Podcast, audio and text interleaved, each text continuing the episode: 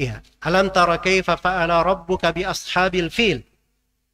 Bagaimana Abraha dibinasakan oleh Allah Subhanahu wa taala. Makanya Abdul Muttalib itu ketika diserang oleh pasukan bergajah itu, dia ambil unta-untanya.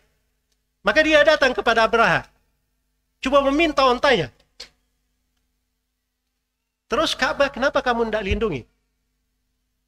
Kata Abdul Muttalib, saya ini pemilik unta, Rabbul Ibil. Adapun Ka'bah itu dia punya Rob. Dan Robnya sendiri yang akan melindunginya. Tidak perlu saya melindungi Ka'bah. Itu keyakinan tertanam pada mereka. Bahwa ini rumah ini rumah Allah. Tanah haram, tanah yang diagungkan. Ada Robnya yang akan menjaganya.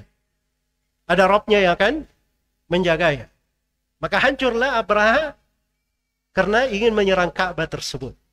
Maka Ka'bah ini dilindungi oleh Allah, dihancurkan Abraha dan bala tentaranya itu, itu juga di antaranya adalah keutamaan untuk orang-orang Quraisy.